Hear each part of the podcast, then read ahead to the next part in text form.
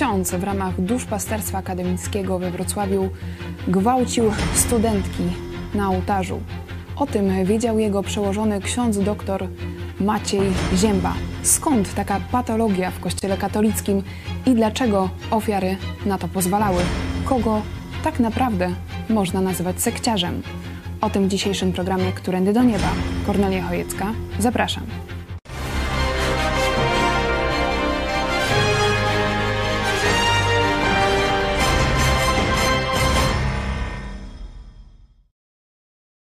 Naszym gościem jest mecenas Artur Nowak, prawnik ofiar księży pedofilów. Witam serdecznie w telewizji Idź Pod Prąd. Witam Państwa, witam Panią. Ze mną w studiu jest pastor Paweł Chojecki, redaktor naczelny naszej telewizji. Witam Cię również. Witam Ciebie, Pana mecenasa, no i naszych kochanych widzów. Od kilku dni głośno jest o skandalu u wrocławskich dominikanów. Ksiądz Paweł M. w latach 1996-2000 miał dopuszczać się wykorzystywania seksualnego i przemocy fizycznej wobec członków duszpasterstwa akademickiego i Tomasz Terlikowski w rozmowie z Onetem stwierdził, że szkoda, że dopiero wkroczenie prokuratury skłoniło dominikanów do zajęcia się sprawą. Panie mecenasie, dlaczego Dominikanie przez 20 lat milczeli i de facto pozwolili dalej działać e, księdzu Pawłowi M.?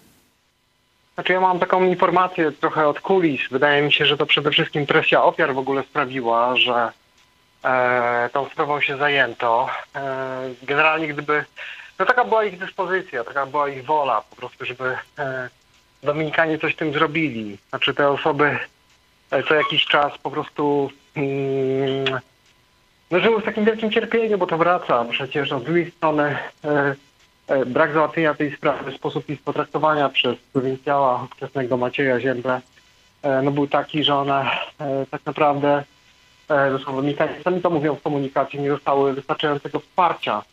Owszem, otrzymały pomoc psychologiczną od wrocławskich Dominikanów, natomiast chodziło im o to, żeby zakon sam się z tym rozliczył i to oświadczenie, mm, z tego co wiem, powstało właśnie między innymi z uwagi na, y, no może nie naciski, ale taką wolę pokrzywdzonej, żeby o tym mówić. A przez 20 lat o tym nie mówiono, dlatego że e, no to jest ten efekt, a w zasadzie defekt kultury klerykalnej, tego e, jak gdyby e, myślenia takiego korporacyjnego związanego z tym, żeby no, instytucja była nieskazitelna.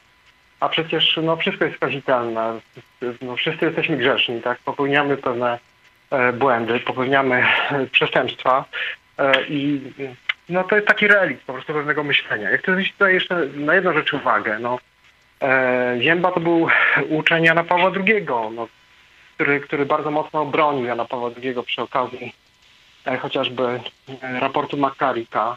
On bardzo jasno stawiał sprawę, mówił, że Jan Paweł II niczym nie wiedział, oni miał z tym wspólnego, w żaden sposób nie ponosi odpowiedzialności, a tutaj mechanizm jest podobny, to znaczy z jednej strony mamy zakonnika, który był pupilem zięby z uwagi na to, że gromadził na tych mszach charyzmatycznych ponad tysiąc osób.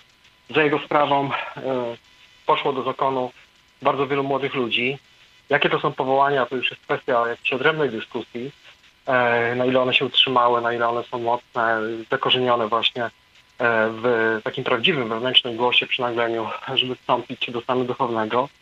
No i tak samo było z Makarikiem, z Marcelem Delogado, byli ludzie, którzy e, przynosili Kościołowi realne korzyści. No to były właśnie symbole tego Kościoła triumfującego, Kościoła bogatego, którzy ściągali jakieś nieprawdopodobne pieniądze e, dla Kościoła. Zresztą tutaj wiele jest przykładów, no to jest ksiądz Pakulski, ksiądz Jankowski, czyli ci tacy najbardziej znani polscy pedofile.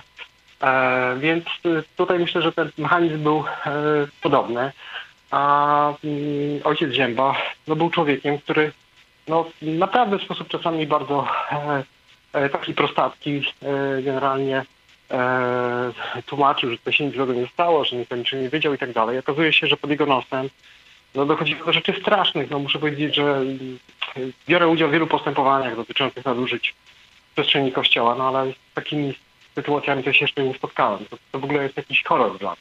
To rzeczywiście no, relacje ofiar są przerażające i zaraz przejdziemy też do tego, dlaczego ofiary już osoby dorosłe. Przecież mówimy o duszpasterstwie akademickim.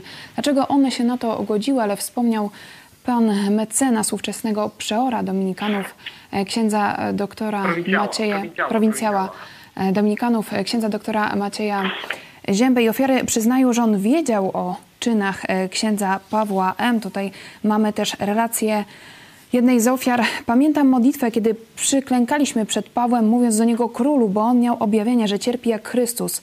Ta modlitwa odbywała się przed okienkiem, które wychodziło na dziedziniec klasztoru. I nagle w tym okienku pojawiła się twarz przeora. Przestraszyliśmy się, że będą z tego jakieś kłopoty, bo to, co działo się na modlitwach, utrzymywaliśmy w tajemnicy. Baliśmy się, że zaraz będzie jakaś reprymenda, ale przeor zaczął się z tego śmiać. I druga, e, druga ofiara przyznaje, przeor z Wrocławia sobie z tego drwił. Zdarzyło się nawet, że prosił Pawła, żeby mu jakaś studentka myła samochód. I ja w ramach posłuszeństwa mu ten samochód myłam. Pastor Paweł Chojecki, dlaczego? Skąd ten śmiech i lekceważenie całej sprawy?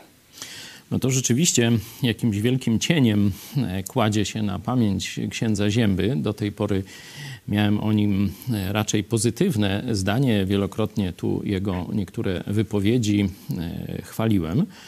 No ale to, czego dowiadujemy się e, teraz, no, pokazuje jakąś kompletną aberrację i brak troski o takie podstawowe wartości. Ja już nie mówię o chrześcijańskie wartości, tylko takie ogólnoludzkie. On widział, co się dzieje. On widział, że ci ludzie w duszpasterstwie ubóstwiają wręcz tego księdza w sensie bałwochwalstwa prawie że się modlą do niego, klękają przed nim, widzą w nim Chrystusa e, i nic z tym nie zrobił. I nic z tym nie zrobił. Jakie jest podłoże tego, tego zachowania księdza Zięby, już nieżyjącego? Tu bym oczekiwał jakiejś refleksji ze strony dominikanów, jego uczniów, jego bliskich współpracowników. Na razie nie chcą tego e, komentować. Mam kilka swoich koncepcji, ale z nimi e, poczekam. Ale wrócę do tego pytania, dlaczego te ofiary się na to godziły. Przecież tam wiedziano, publiczną wiedzą w tym duszpasterstwie było, że ten dominikanin, ten ksiądz gwałci te studentki. Niektóre gwałcił na ołtarzu nawet, czyli to wiecie, z jakichś filmów, horrorów, nie wiadomo Do z czego. przemoc, bicie Do- do skórzanym tego- dominikańskim tak, pasem jakieś- wiele godzin. Jakieś kompletne aberracje, wyganianie demona z żarówki, czy jakieś takie, takie odchyły y, wręcz. Myślę, że są dwa y, tego powody. Pierwszy, taki kardynalny, podstawowy, widać, że e, tu zachowania i y, można powiedzieć, przekonania ludzi e, w kościele rzymskokatolickim w dużej większości nie pochodzą z Pisma Świętego. Ci ludzie są kompletnie oderwani od znajomości i autorytetu Pisma Świętego. Gdyby przeczytali choć trochę z takim, z, taką, z takim nastawieniem, że to jest norma dla życia chrześcijańskiego, to nie robiliby tych wygłupów, nie popełnialiby tych grzechów, bałwochwalstwa, nie godziliby się na tę, można po powiedzieć, y, kapłańską, świątynną prostytucję, która się tam dokonywała, lub akty gwałtu, przemocy seksualnej Przy i różne takie. Boga, no właśnie dlatego mówię, że Bóg. To jest drugi, drugi problem. Widać, że ci ludzie nigdy osobiście nie przyszli do Jezusa. Oni przyszli do duszpasterstwa, tak jak już tam psychiatrzy analizujący tę sprawę mówią, po poczucie wspólnoty, po to, żeby ich samotność została zastąpiona, a nie po to, żeby obmyć się u samego Chrystusa, a nie u księdza od swoich y, grzechów. I dodałbym jeszcze kolejną rzecz, to y, się uwidoczniło w tym, co już tu wspomnieliśmy, że oni widzieli w nim cierpiącego Chrystusa i się do niego tam modlili, klękali przed nim.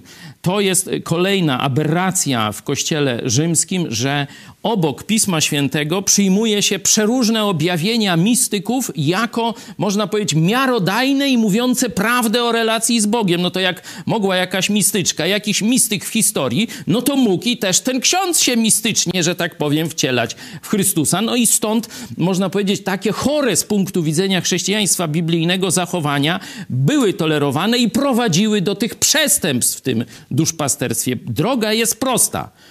Wysuniemy, czy usuniemy autorytet Słowa Bożego, w to miejsce wejdzie autorytet człowieka. Nie ma innej drogi. Panie mecenasie, pan rozmawiał z ofiarami księdza Pawła M. Dlaczego te osoby już dorosłe godziły się na te absurdalne, grzeszne praktyki ze strony księdza Pawła M.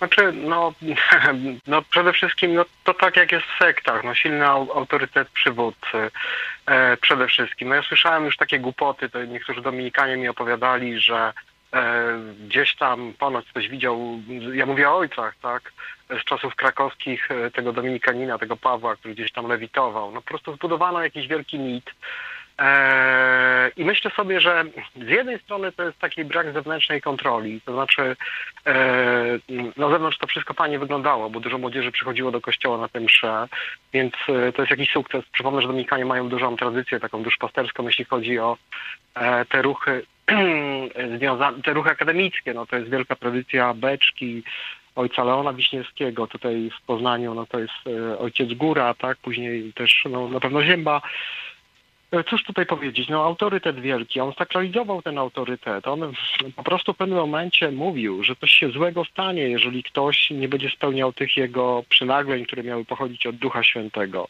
On w pewnym momencie zidentyfikował siebie, znaczy ja słyszałem, że w pewnym momencie była tam taka sytuacja, że ta grupa była świetnie przeświadczona, że, że dzięki tej grupie przetrwa w ogóle zakon dominikański, kościół, chrześcijaństwo, no to był bardzo pyszny człowiek, tak? E, I rzeczywiście myślę, że pewne rzeczy tam się mogły ciekawe jakieś dziać, które no, są no, znane nauce, no to jest jakaś fizyka kwantowa, jakaś siła pewnego wzajemnego oddziaływania, energii i tak dalej. Młodzi ludzie łakną, szukają po prostu e, duchowości, bliskości. E, to jest wiadomo, jaki to jest wiek, kiedy, kiedy bardzo łatwo takimi osobami e, manipulować. Dzieje się to w autorytecie po prostu Kościoła rzymskokatolickiego. No w przestrzeni jednak dominikańskiej, która, która, która ma pewne tradycje inkwizytorskie, bardzo przecież duże. No to jest historia kilkuset, kilkusetletnia.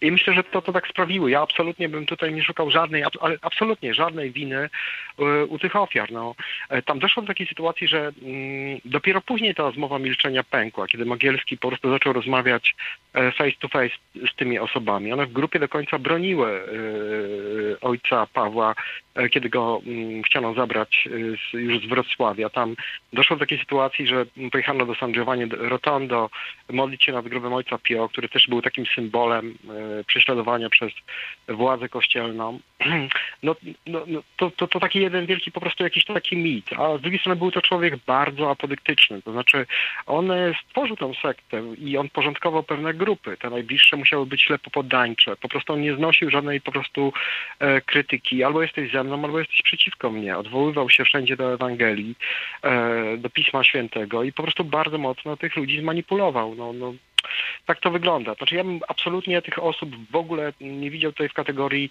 e, jakiejś takiej ich winy. Ja myślę, że Państwo też nie macie e, takich jakichś intuicji.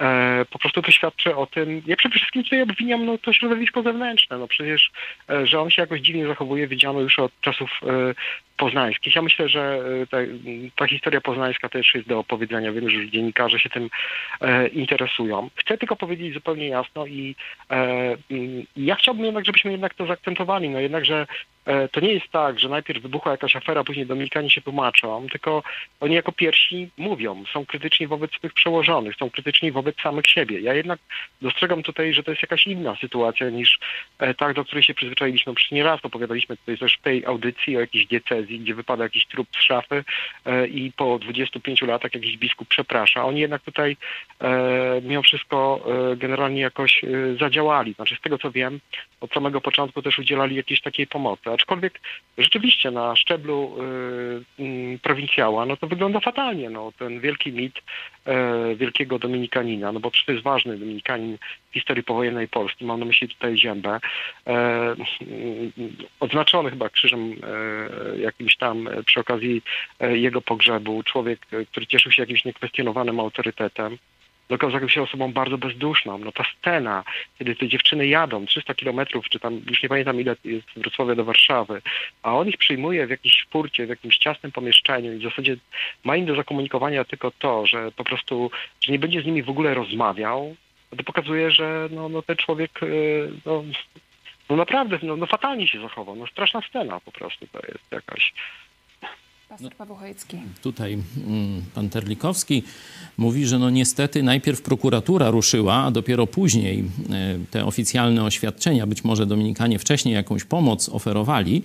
E, ja nie wiedziałem, bo już taki program e, w zeszłym tygodniu nagraliśmy po pierwszych tych informacjach. Myślałem, no czy może jednak Dominikanie sami z siebie po jakichś zmianach kadrowych ktoś się zmienił, przeor i tak dalej. Jednak tutaj redaktor Terlikowski mówi, że to prokuratura była tym czynnikiem, y, który spowodował, że po 20 latach Dominikanie zaczęli publicznie y, prawdę mówić o tej sytuacji. Ale ja chciałem dotknąć tego wątku, który poruszył pan mecenas, tego wątku inkwizycyjnego, tradycji inkwizycyjnych y, zakonu dominikanów, czyli psów pańskich do tropienia właśnie wszelkich odstępstw herezji. Wiele stosów z tego powodu w historii było. Pozostałością tego w naszych czasach jest tak zwane Centrum Informacji o Sektach. Dominikańskie Centrum Informacji o Nowych Ruchach Religijnych i e, sektach i jak e, ofiary przyznają, w tym właśnie centrum e, pracował ksiądz Paweł M. Mamy głos jednej z ofiar. Dla mnie to była ważna informacja, że to firmowali Dominikanie. Paweł prowadził Centrum Informacji o Sektach. To budowało poczucie bezpieczeństwa. No, ja chciałem jeszcze troszkę szerzej powiedzieć, bo to, że jakiś kościół sobie jakieś centrum tam powołuje, no to tam nic mi do tego, niech sobie powołują. E, ale to Centrum Informacji o Sektach czy tych ruchach religijnych, tak jak powiedziałaś, jest uznawane przez państwo polskie za miarodajne. E, ja słyszałem, że widziałem materiały, że policja ma się w jakiś sposób, czy prokuratura traktować jako autorytet właśnie to centrum centrum. Też wiem, że na zajęciach psychologii tak, na, na UMCS-ie. psychologii w trakcie zajęć o sektach miałam polecone to właśnie Centrum Informacji jeśli spotkam się z osobą, która jest w sekcie, to powinnam się zgłosić na przykład do tego centrum. I, I to jest na świeckiej uczelni. Moje pytanie do pana mecenasa, czy to nie jest, można powiedzieć, zawłaszczenie państwa polskiego, kolejny przykład zawłaszczenia państwa polskiego przez Kościół rzymskokatolicki, gdzie tu właśnie takie inkwizycyjne jakieś, że tak powiem, pokłosie jeszcze z zakonu dominikanów, to centrum, w którym działają no, zboczeńcy, przestępcy seksualni, a odium sekty skierowują na innych. Czy to nie jest zawłaszczanie przez Kościół państwa polskiego? Znaczy, no to jest w ogóle, czeka nas wielka dyskusja na ten temat. Ja mam nadzieję, że, no oczywiście, nie wiem, ta ekipa raczej tego nie zrobi, natomiast no, wszystkie, wszystkie partie polityczne, które patrzą w jakieś takie sondaże, no to powinny to zauważyć, że Polacy nie chcą tego zawłaszczenia, tak? Jest jakaś bardzo mała grupa osób, którym się to podoba i czas wyciągnąć z tego po prostu wnioski. No ma, no ma pan oczywiście rację, no, no po prostu jaką legitymację ktoś ma, żeby e, kogoś nazywać sektą, no to jest w ogóle jakieś e, zupełnie dla mnie e, absurdalne. No każdy ma prawo póki co wierzyć w co chce i, i jak chce, no a już szczytem hipokryzji jest, żeby, no nie wiem, e, no struktura, która no, no, no miała w swoich szeregach takiego demona, e, rościła sobie jakiś taki autorytet, żeby o tym rozstrzygać, nie? Ale ma pan rację, to tak nie może być, że jakiś określony kościół, denominacja jakaś, określa, co jest sektą, a co nie. No to, to jest bardzo arbitralne, jest po prostu absurdalne, jest to niezgodne z polską konstytucją. E, I, i tyle, no, tyle mam do powiedzenia jako prawnik. To jest oczywiste w ogóle dla mnie.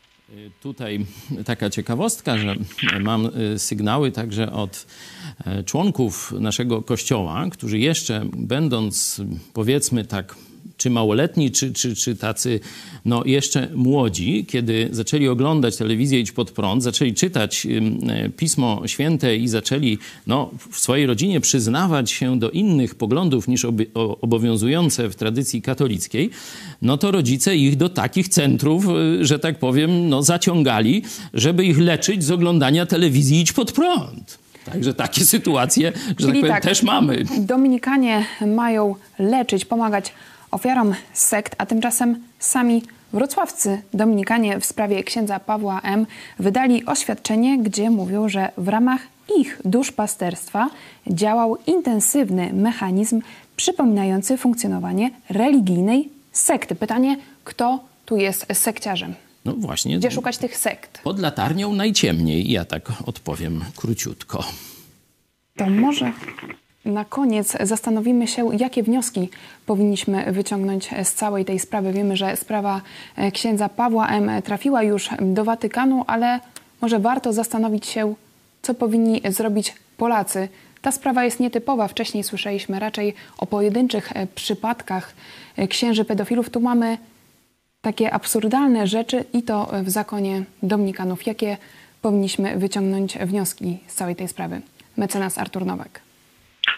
Znaczy ja myślę, że ludzie sami wyciągną z tego wnioski. To znaczy tutaj ja bym nie liczył na to, że ktoś tam z zewnątrz się tym zajmie i tak dalej.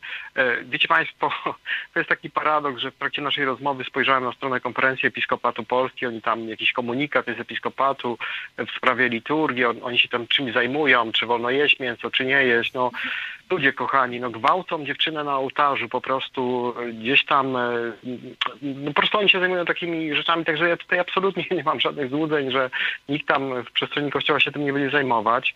Ludzie dają odpowiedź e, nogami swoimi. No ja przypominam tutaj, to jest kolejna sprawa, która e, odchudzi skutecznie Kościół, jeśli chodzi o o, o, po prostu wiernych. Ja wczoraj, nie wiem czy Państwo oglądaliście, prowadzę taką audycję, wysłuchanie, rozmawiałem z ofiarami e, księdza pedofilii, pedofila bardzo preeminentnego w diecezji zielonogórsko-gorzowskiej. To są skandaliczne jakieś po prostu sytuacje. To nie jest tak, że ludzie tego nie widzą. No, są wolne media, które będą oświetlać tego typu sprawy. Ja nie widzę w kościele żadnego po prostu przyjęcia. No, no, no to wstał i wyszedł jakoś się wypowiedział. No nie ma nikogo po prostu. Oni się zajmują, czym oni się tam zajmują? No po prostu, no Jędraszewski jednak chce, żeby ludzie chodzili do kościoła, e, no bo kasa się po prostu kończy. Przepraszam, mnie to zawsze nerwy biorą, e, generalnie jak mam mówić na temat tego całego establishmentu kościelnego, to są jacyś ludzie, którzy kompletnie nie mają żadnych zasobów, żeby cokolwiek zmienić. To po pierwsze, e, bo, bo to są ludzie słabo wykształceni po prostu w tej dziedzinie. A druga sprawa to jest taka, że mm, tam nie ma nawet woli za zmiany do zmian. Oni są obrażeni, że ktoś śmie po prostu o tym mówić. Tam jest cały czas po prostu taka zakuta y, mentalność po prostu, że nas y, atakują. Zero, kompletnie. Zero, zero, zero jakiejś refleksji. Absolutnie niech Państwo na to nie liczą. Ludzie to sami rozwiążą, po prostu przestaną chodzić do kościoła. No ja patrzę na swoich znajomych, którzy, nie wiem, to jest niesamowita jakaś dynamika. Jeszcze rok, dwa lata temu na ten temat dyskutowali. W tej chwili ich kościół nie interesuje, bo oni do kościoła po prostu nie chodzą. I to potwierdzają kolejne sondaże o Kościele katolickim w Polsce. Pastor Paweł Chojecki. No, nie odkryję tu wielkiej tajemnicy, że my od wielu lat i modlimy się, i działamy w tym kierunku, żeby Polacy przejrzeli przede wszystkim w tym duchowym obszarze na oczy. Także to, co się dzieje, odczytujemy jako ingerencję Boga korzystną dla narodu polskiego, że ten fałsz, zabobon, zakłamanie, grzech, faryzeizm i straszne przestępstwa wobec dzieci, wobec tu studentek i także studentów, bo to przecież różne tam się rzeczy inne działy. Jak już wiemy o tych powołaniach pseudo, to wspomniał mecenas Nowak, że to jest wielkie narodowe otwieranie oczu. I rzeczywiście tu pewnie się zgodzimy, że trudno to wyjaśnić, jaki to czynnik spowodował. Ta dynamika jest ani, wielka. Tak jak ani jakieś wybory, bo akurat wybory, no to partia klerykalna wy, wygrała, nie? Czyli zobaczcie, nie, nie, nie trudno to socjologicznie wyjaśnić, a to się dzieje na naszych oczach. Dlatego no ja w tym widzę działanie Boga. Mam nadzieję, że spora część naszych widzów również. Pytanie teraz, gdzie się skierują ci ludzie, którzy, tak jak pan mecenas Nowak mówi, e, mają już jasność na temat tego, dokąd prowadzi ich Kościół rzymskokatolicki. Czy pójdą w nihilizm, czy pójdą w jakiś hedonizm, e, jakieś obrażenie na wszystkich i na wszystko, czy też zrozumieją, że Kościół katolicki już dawno wyparł się Jezusa, no i dlatego to są owoce. To nie jest zaskoczenie dla tych, którzy rozumieją dynamikę duchową e, w historii Kościoła rzymskiego. To są tylko owoce. I czy ci ludzie skierują się wprost do słowa Jezusa Chrystusa? To jest dzisiaj pytanie o przyszłość Polski. Wskazujesz na Nowy Testament. Jeśli nie macie Państwo jeszcze egzemplarza Nowego Testamentu, piszcie do nas na adres sklep małpa ispodbrat.pl. A od siebie dodam, że na pewno ta etykieta sekciarz czy sekta być może powoli nie będzie się kojarzyć z innowiercami, tylko powoli też e, z Kościołem katolickim, ale miejmy nadzieję, że w tym wszystkim Polacy zachowają zdrowy rozsądek i zaczną myśleć samodzielnie. Mam nadzieję, że Polacy zobaczą, że zosta zostawali celowo straszeni chrześcijaństwem biblijnym, że wszystko, co nie katolickie, było nazywane sektą. I już teraz to zaklęcie, ta szczepionka naprawdę przestanie działać w polskim społeczeństwie. O to się dalej będę modlił. Bardzo dziękuję za rozmowę. Ze mną byli mecenas Artur Nowak. Dziękuję serdecznie. Dziękuję Państwu. I pastor Paweł Chojecki. Również dziękuję. Do zobaczenia.